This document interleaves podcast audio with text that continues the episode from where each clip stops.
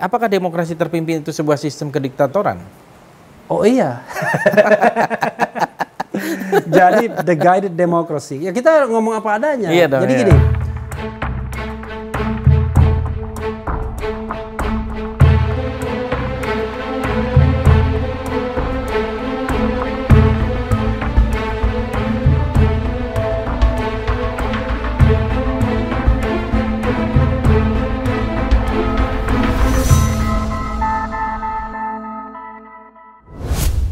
Selamat datang Bung Refli Harun. Ini Dr. Refli Harun di uh, Fadli John Official Channel YouTube. Tapi ini kita di rumah kreatif, rumah yang saya bangun sudah lama sebetulnya. Jauh sebelum jadi anggota DPR. Ada perpustakaan, ada koleksi wayang, ada piringan hitam dan lain-lain. Keris, keris juga. Uh, kita mau bincang-bincang. Saya ini termasuk newbie Oh, di newbie. YouTube ya, newbie. Saya saya nyapa juga ya. Iya Boleh? dong, iya. Jadi walaupun dibilang saya lebih senior, sobat era sekalian, saya agak kagok juga kalau langsung begini. Soalnya biasanya kalau nanyanya ya kalau nggak ngomong sendiri hanya via zoom saja. Jadi kalau interview langsung itu saya baru dua kali. Baru dua kali Fadli ya?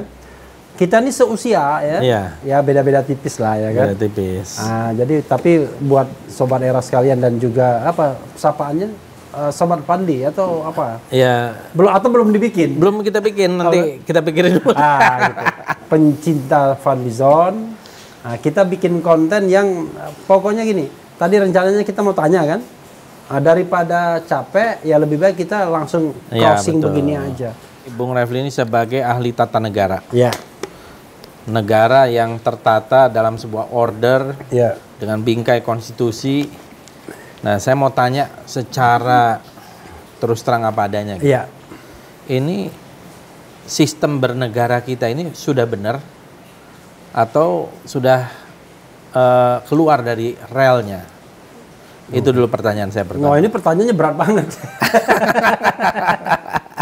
Tapi begini, kalau kita bicara tentang sistem bernegara, ya kan, begini, ada yang namanya desain, ada yang namanya implementasi, Ya. ya kan. Kalau sistem bernegara itu adalah a matter of choice, itu soal pilihan. Anda mau pakai sistem apa? Kalau dilekatkan dengan pemerintahan kan pilihannya Anda mau sistem presidensil kah, Ya. sistem parlementer kah, atau hybrid system kah? Nah, pilihan kita kan mau presidensil. Kita tahu bahwa saya kira Bung Fadli juga sangat paham sekali bahwa verifikasi sistem presidensil itu dengan pemilihan presiden langsung yang dilakukan melalui amandemen konstitusi. Jadi kita lebih mendekati ciri sistem pemerintahan presidensil, kan begitu? Betul. yaitu ada fixed term bagi seorang presiden yang terpilih. Presiden dipilih oleh rakyat secara langsung. Presiden tidak bisa dijatuhkan di tengah jalan seperti halnya parlementer, tetapi hanya dengan kesalahan-kesalahan yang signifikan menurut konstitusi dan lain sebagainya dan lain sebagainya. Lalu presiden sebagai selain dia sebagai kepala negara juga sebagai kepala pemerintahan. Nah, itu desain itu relatifly sama dengan negara-negara lain, kan begitu? Hmm. Persoalannya adalah ketika itu diimplementasikan di dalam sistem politik kita, ya bukan lagi sistem ketatanegaraan, sistem politik kita yang bergerak sehari-hari, maka ya saya kira ada distorsi. Ah, ini kan distorsi yang paling disukai Bung Fadli ini adalah dis- distorsi ketika leader itu tidak menunjukkan jati dirinya sebagai leader tapi sebagai dealer. Misalnya. Karena gini, ya, Jadi dealership era- iya. daripada leadership ya. Iya, sobat era sekalian, dalam sistem pemerintahan presidensil itu, yang namanya presiden itu adalah uh, primus inter pares, orang nomor satu. Kalau perdana menteri itu kan kolektif sebenarnya. Betul. Dia dia yang namanya parliamentary government.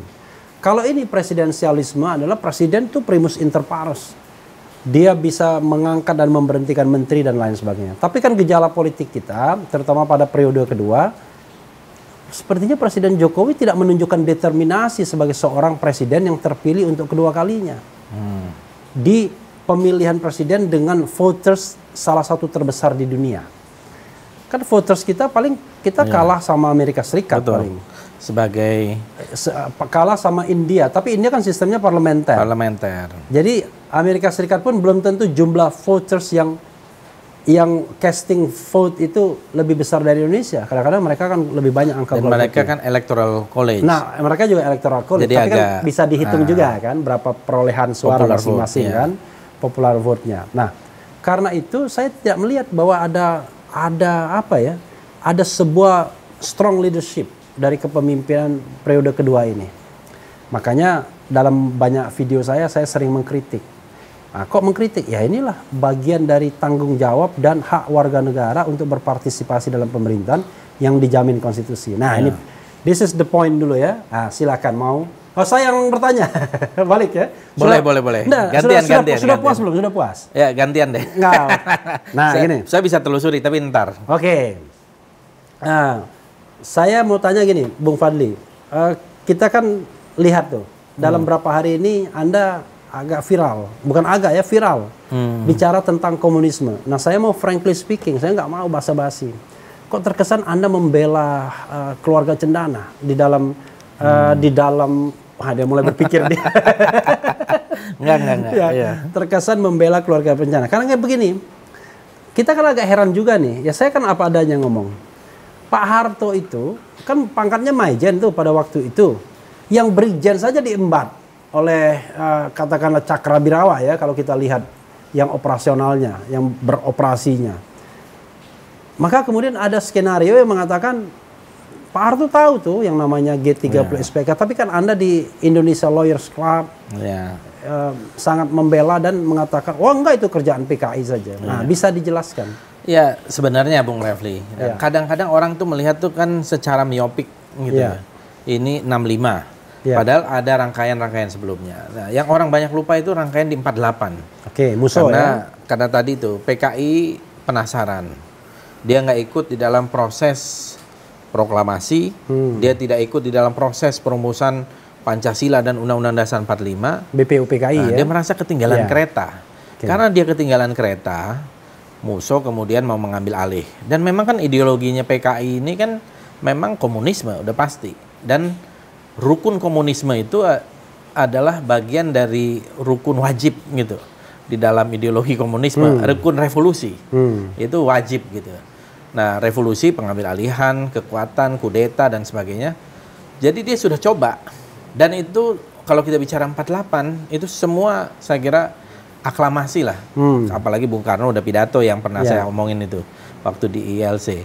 Nah, 65 sebetulnya juga percobaan yang sama dari Hmm. satu rangkaian yang tidak terpisahkan gitu. Makanya nanti eh, ada retaliation, pembalasannya juga saya kira dari hampir frame yang sama gitu.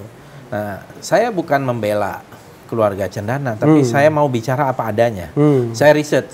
Kalau Pak Harto tidak menjadi target, itu jelas kok. Karena Pak Harto itu dianggap bukan ancaman.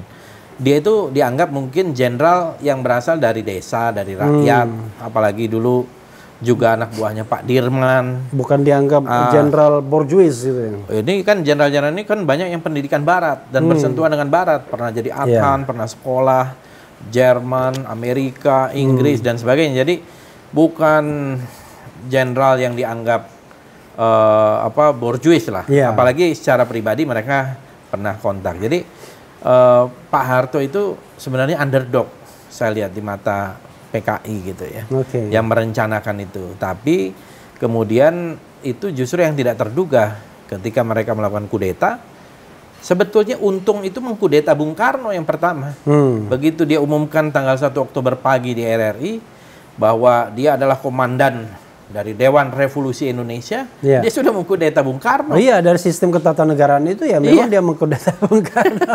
Jadi dia Karena pemerintahan yang sah itu adalah pemerintahan Bung Karno. dan itu yang menurut saya membuat Bung Karno juga Iya. lepas kan itu ada salah satu buku dari Victor Frick gitu ya Hmm. anatomi kudeta tahun 65 itu bagus sekali dia menjelaskan itu karena memang waktu itu posisinya didahului atau mendahului Hmm. kalau terjadi apa-apa dengan Bung Karno ini angkatan darat bergerak dulu mengambil alih atau eh, kita PKI menurut mereka gitu Iya. ya nah akhirnya mereka mendahului coba bayangkan itu kalau ibu, mereka ibu waktu Pertiwi sudah hamil besar. sudah hamil tua Hamil tua. Anwar Sanusi itu Iya. Nah, padahal sarannya Soviet ketika itu, PKI jangan berontak, jangan kudeta, tunggu aja pemilu. Hmm. Oke. Gitu. Ini Beijing bilang ambil alih. Dan PKI kita adalah PKI yang berkiblat ke Beijing ya. Pada waktu itu. Pada waktu itu. Mulanya kepada Soviet. Ya, tahun 48 Soviet, Heeh. ini ke Beijing. Nah, saya mau kaitan dengan itu saya mau tanya Bung Refli. Iya, oke. Ya. Ya, kita sayangkan juga putra seorang proklamator mengatakan Hmm. tapi berdasarkan ya mungkin informasi yang dia dapat bahwa Putra proklamator itu Sukmawati Iya. namanya. Karena ini kan sudah tersebar di mana-mana. Bahkan ya ada tapi konten maksud YouTube saya, saya juga. bagaimana meng- mengatakan bahwa PKI itu ideologinya Pancasila. Kita Iya. sama-sama tahu bahwa dia ingin menciptakan sebuah Hmm. paham komunisme dan Iya. menumpang di dalam Iya. Nasakom kan. Nah, sekarang saya tanya, menurut Bung Refli, apa Nasakom itu? Oke. Ya, apakah bisa ditampung di dalam hukum tata negara kita dengan Oke. Pancasila dan Undang-Undang Dasar 45? menarik banget nih. Jadi gini, saya mau mengulas pertanyaan atau pernyataan dari Sukmawati. Kalau tidak salah pernyataannya itu PKI itu menerima Pancasila. Iya. Jadi bukan PKI itu ideologinya Pancasila. Oh, ada yang bilang ideologinya Pancasila? Oke. Ada perkataannya. Oke. Kalau uh, PKI ideologinya Pancasila, saya kira itu agak agak ngarang ya kan? Udah jelas namanya Partai Komunis Indonesia pasti komunisme kan? Tapi kalau PKI menerima Pancasila, saya pikir ada benarnya. Menerima ya. Iya. Kenapa begitu? Karena Pancasila yang diterapkan pada Orde Lama itu 5966 adalah Pancasila dengan interpretasi Bung Karno yaitu Nasakom Iya. yang diilhami oleh gagasan lama dia kan Tahun mengenai 20-an. tahun 26 itu ya tentang eh, apa nasionalisme, marxisme Dan dan, agama. islamisme Iya, kan. Islamisme. Nah, jadi ketika dia menjadi primus inter pares karena mengeluarkan dekret presiden dan uh, sistem pemerintahan berganti dari parlementer ke presidensial, bahkan strong presidentialism, dia hanya satu-satunya di situ, maka dia jawantahkan gagasan lamanya itu bahwa ada tiga kekuatan revolusioner di Indonesia kan, yaitu kekuatan Islamisme, Marxisme, dan nasionalisme. Dan di antara ketiganya katanya nggak boleh saling alergi karena ini adalah kekuatan revolusioner kan. Nah, jadi kalau PKI pada konteks masa demokrasi terpimpin atau demokrasi Orde Lama itu menerima Pancasila, wajar kalau menurut saya. Tapi Pancasilanya adalah Pancasila versi Orde Lama yaitu yang ditafsirkan sebagai Nasakom. Nah, tetapi kita tahu ketika zaman Orde Baru, komnya kan sudah dipreteli. Karena itulah kemudian kita ribut mengenai tafsir Pancasila. Iya. Nah, saya saya selalu mengatakan dalam berbagai kesempatan, udahlah kita nggak usah bicara satu Juni. Satu Juni itu pidato Bung Karno. Kita kan Di menerima antara banyak pidato. Iya, di antara banyak pidato. Di, di antara banyak pidato waktu BPUPKI. Iya. Kan kita kan kalau menghargai pahlawan, ya kita menghargai dia jasa. Orang nggak akan mendinai bahwa Bung Karno proklamator. Tapi dalam fase hidup Bung Karno kan dia pernah mengenalkan ajaran-ajaran yang ternyata terakhir tidak kompatibel bagi negara ini. Kan begitu. Betul. Karena itu kita kembali saja yaitu Pancasila itu 18 Agustus yang Iya. saya saya anggap sebagai sinkretisme dari bapak dan ibu pendiri bangsa dari aliran nasionalisme dan aliran Islamisme. Islam, eh, tokoh Islam dan tokoh nasionalis.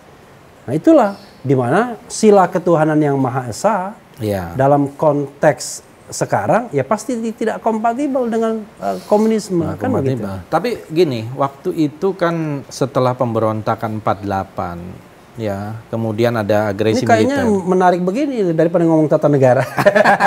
Kan Saya ujungnya tata negara Iya, juga. ujungnya tata negara Jadi- juga. Tapi saya senang yang ini. Nah, Ya. Setelah 48, Iya. mereka kudeta gagal Iya. yang dianggap menusuk dari belakang. Dan sebenarnya Belanda tuh membantu juga Iya. musuh karena Iya. dia membawa dia, memberitakan dan melindungi. Hmm. Nah, dianggap menusuk dari belakang oleh Soekarno Hatta. Waktu generasi baru muncul, trio ini Iya. yang namanya Aidit Nyoto Lukman Iya. itu datang kepada Bung Karno tahun 52. Dia mengatakan aliansi strategi dengan kanan. Iya. Jadi dia tahu kalau dia tidak melakukan semacam adjustment, maka dia akan ditolak. Iya. Kamu ya kalau tidak ikut uh, dengan Pancasila, kamu nggak akan ikut. Iya. Nah, dan eh, saya kira memang generasi PKI-nya Aidit itu mereka masuk di dalam proyek yang disebut metode kombinasi tiga bentuk perjuangan tuh tahun 54 hasil kongres PKI yang kelima itu dan memang mereka masuk ke mana-mana kan. Hmm. Nah, saya melihat eh, Bung Karno itu sangat terpengaruh Ya. gitu. Jadi mungkin Bung Karno juga melihat ini juga bisa dipakai untuk kepentingan politik internasional maupun kekuatan nasional dan sangat terpengaruh gitu. Sehingga membuat hubungan dengan Hatta. Nah, ini saya nanti mau tanya. Ya. Ketika pemilu tahun 55 ya. Kita ada pemilu, kita tahu juaranya itu adalah PNI, Ya. Masyumi, Masyumi. yang sama-sama kursinya. Lalu ada NU. NU dan PKI. Dan PKI. Kenapa waktu itu tidak langsung ada pemilihan presiden? Dan sejak pemilu 55 kan tidak pernah ada pemilihan presiden. Itu yang saya sebagai yang pembaca Hatta salah satu Ya. yang membuat Hatta mengundurkan diri. Ya. Menurut Anda waktu itu kenapa? Nah, ini Ini kan tata Ja- negara Iya, kan? tata negara. Ah. Jadi kita tahu bahwa em, ketika kita di, kita memproklamasikan kemerdekaan kita tanggal 18 Agustus itu sehari kemudian kan, saya ingat Mongol jadinya. Ada dia lagu begini biar intermezzo sedikit. 16 Agustus tahun 45. Diprotes orang Ya, ya, ya. Kok 16 Agustus? Nyanyi lagi dia 16 Agustus tahun 45. Salah 17. Dengarkan dulu katanya. 16 Agustus tahun 45. Besoknya hari kemerdekaan. Jadi setelah 17 Agustus besoknya itu kan kita tahu bahwa eh, Undang-Undang Dasar 45 diadopsi. Nah, ketika diadopsi itu sistem pemerintahan kita so-called sistem pemerintahan. Presidensial. Tetapi Ismail Suni misalnya mengatakan kuasi presidensial karena presiden dipilih oleh badan semacam eh, apa lembaga eksekutif Iya. lembaga legislatif yaitu MPR. Tapi oke lah, yang jelas ada mekanisme pemilihan itu. Tapi ketika pemilu 55 kan kita menggunakan UUDS kan? Nah, Undang- tapi sebentar, Iya. kabinet pertama kan presidensial. Kenapa? Kabinet pertama. Ya, kabinet pertama presidensi. Untuk berapa tapi, bulan ya? Ya, berapa bulan. Tapi begitu Sahrir menjadi perdana Ya. menteri, Amir Saripudin menjadi perdana menteri, Hatta, Hatta. menjadi perdana menteri, kita sesungguhnya mempraktekkan sistem presidensil, eh pa- parlementer, Parlementer. tanpa mengubah konstitusi. Iya, betul. Karena konstitusinya juga sebenarnya kuasi presidensil dianggap. Karena kan tidak pemilihan langsung presiden Ya, ya. oleh MPR. Ya. Nah, pada tahun 55 kan kita menerapkan Undang-Undang Dasar sementara. Sementara. UDS itu kan menganut sistem pemerintahan parlementer. Ya. Nah, memang dalam sistem pemerintahan parlementer itu presiden walaupun dia sebagai simbol yaitu simbol eh, sebagai the head of state ya kan dia dipilih juga India misalnya ada pemilihan presiden ya Ke- tapi kalau dia raja dan ratu ya sudah berarti Iya. ada kepala negaranya. Saya kira begini eh, Bung. Ada keengganan. Jadi gini, walaupun Bung Karno itu ti- secara aktual bukan eh, kepala kekuasaan eksekutif dan pengaruh langsungnya dalam politik sehari-hari tidak tidak terlalu kuat dibandingkan perdana menteri, ada keengganan untuk melakukan pemilihan presiden karena pertama kita memang tidak menerapkan sistem pemerintahan presidensial yang membuat jabatan presiden itu tidak penting-penting amat. Dan kedua saya kira kita sudah apa ya jiwa paternalisme kita, paternalistik kita sudah muncul. So Soekarno sudah muncul sebagai presiden yang yang sebagai pemimpin yang untouchable, yang yang tidak bisa disentuh.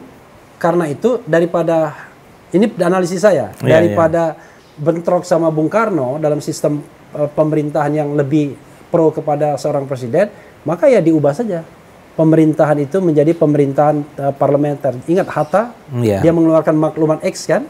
Ya, nah, tahun untuk ya. tahun 45 itu Betul. agar dibentuknya partai-partai Partai politik, politik. karena Bung Karno mau menjadikan PNI sebagai partai tunggal pada waktu itu. Iya. Jadi dia betul-betul partai-partai politik terbentuk pada saat itu dan kemudian justru kita menggelinding kepada era era pemerintahan parlementer. Saya kira salah satunya untuk menghindari hegemoni Bung Karno pada waktu itu. Tapi bagaimanapun kalau kalau kita mau kritik terbesar adalah ya setelah 59 ketika kita kembali kepada Undang-Undang Dasar. Undang-Undang Dasar 1945, kenapa tidak pernah ada pemilihan presiden? Itu persoalan. Bukan itu saja maksud Iya. saya. Ironisnya kan kemudian menjadi presiden seumur Oh hidup. iya, Iya kan? Iya. Jadi memang kecenderungan kalau boleh dibilang apakah Kan dem- demokrasi apakah demokrasi terpimpin itu sebuah sistem kediktatoran? Oh iya. Jadi the guided democracy. Ya kita ngomong apa adanya. Iya dong, Jadi iya. gini, per- permasalahan terbesar kita adalah dengan Pancasila itu, Pancasila itu ditafsirkan menurut selera kekuasaan. Ya. Itu beratnya.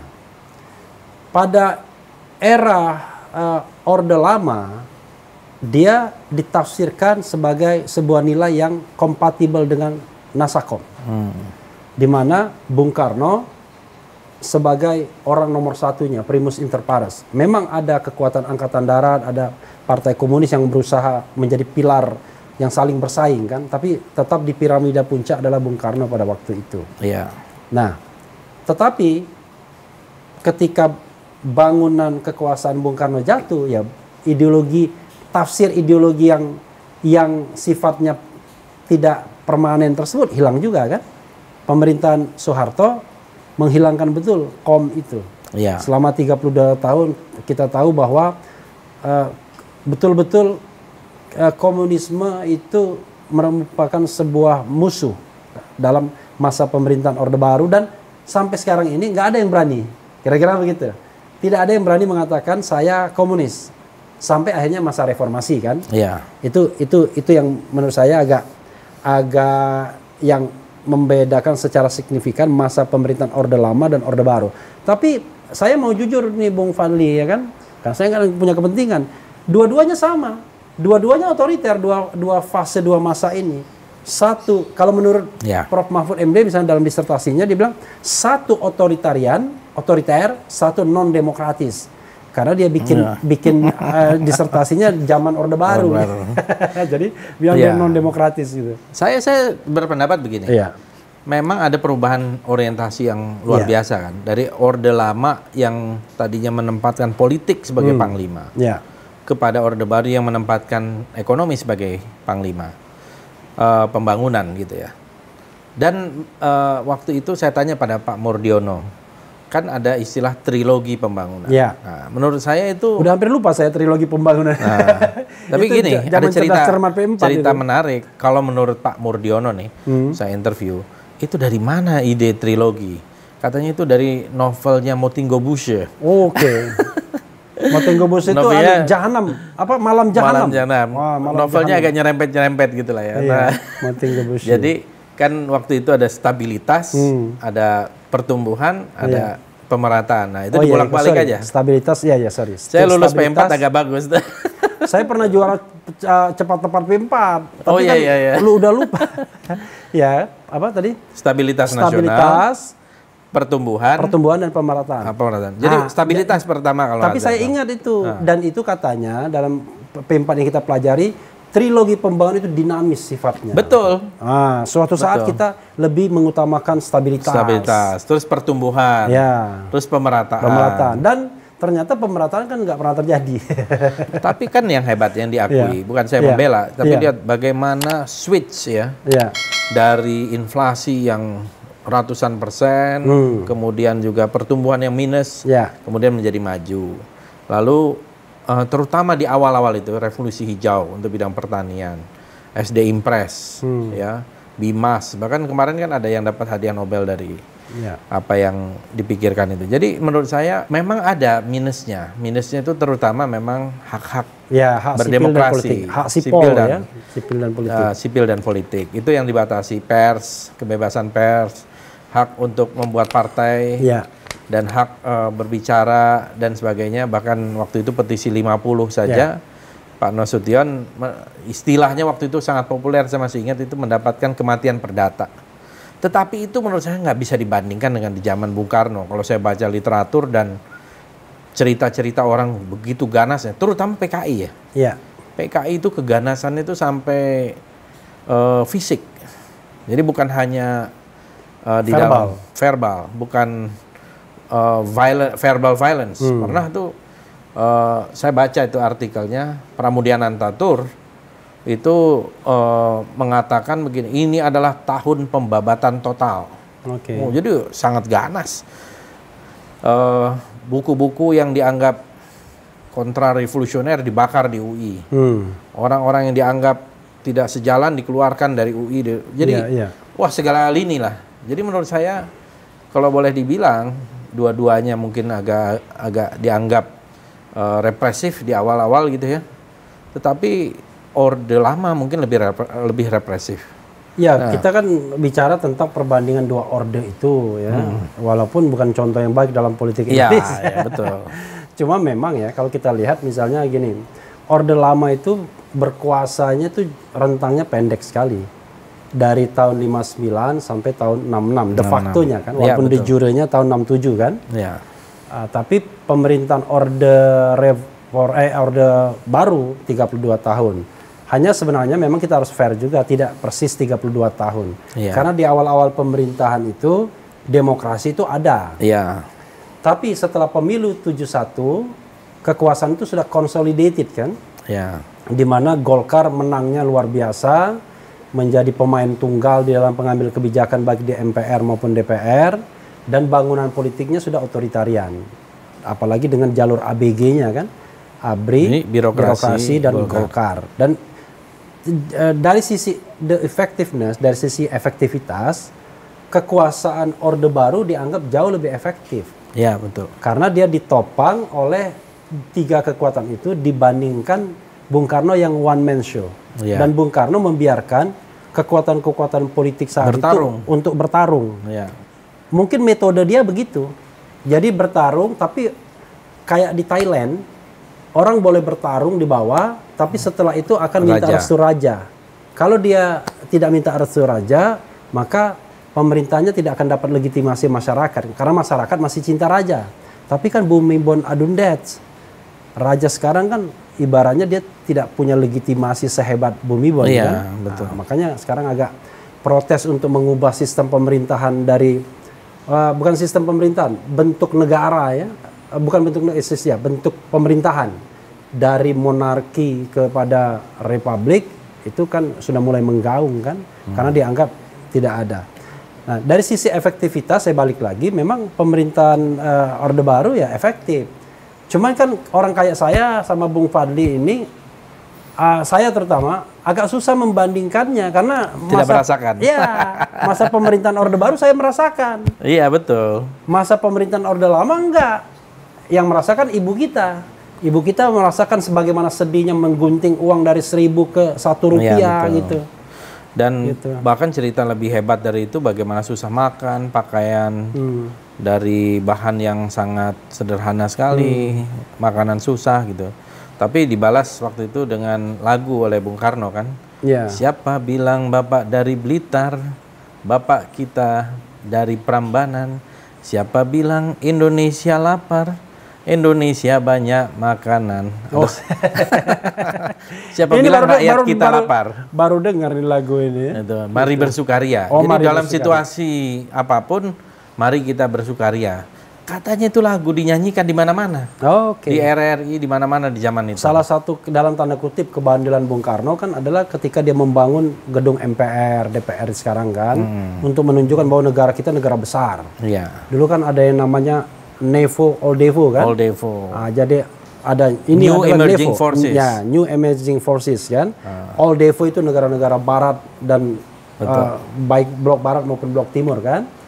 Nah, dari sisi itu ya kita hargai juga. Oh iya ya. Ah, Kita harus bandingkan dengan sekarang jauh banget ya kan. itu high profile. Oh iya high profile dan Hmm. dan bangun hotel Indonesia dulu yang dianggap hotel paling Termasuk bagus di tengah kemiskinan. Monas. Ya, Nah, Monas. Monas kan dulu gitu. dikritik. Iya. Dianggap di tengah kemiskinan dibangun Monas. Iya, mem- memang akhirnya eh, setelah masa berlalu dia jadi icon ya. Icon. Tetapi kan masalahnya adalah kalau saya pribadi ya, eh, rakyat tuh hidup tuh hari ini. Iya, iya. Jadi kalau dia bicara tentang kesejahteraan, ya kesejahteraan untuk hari ini.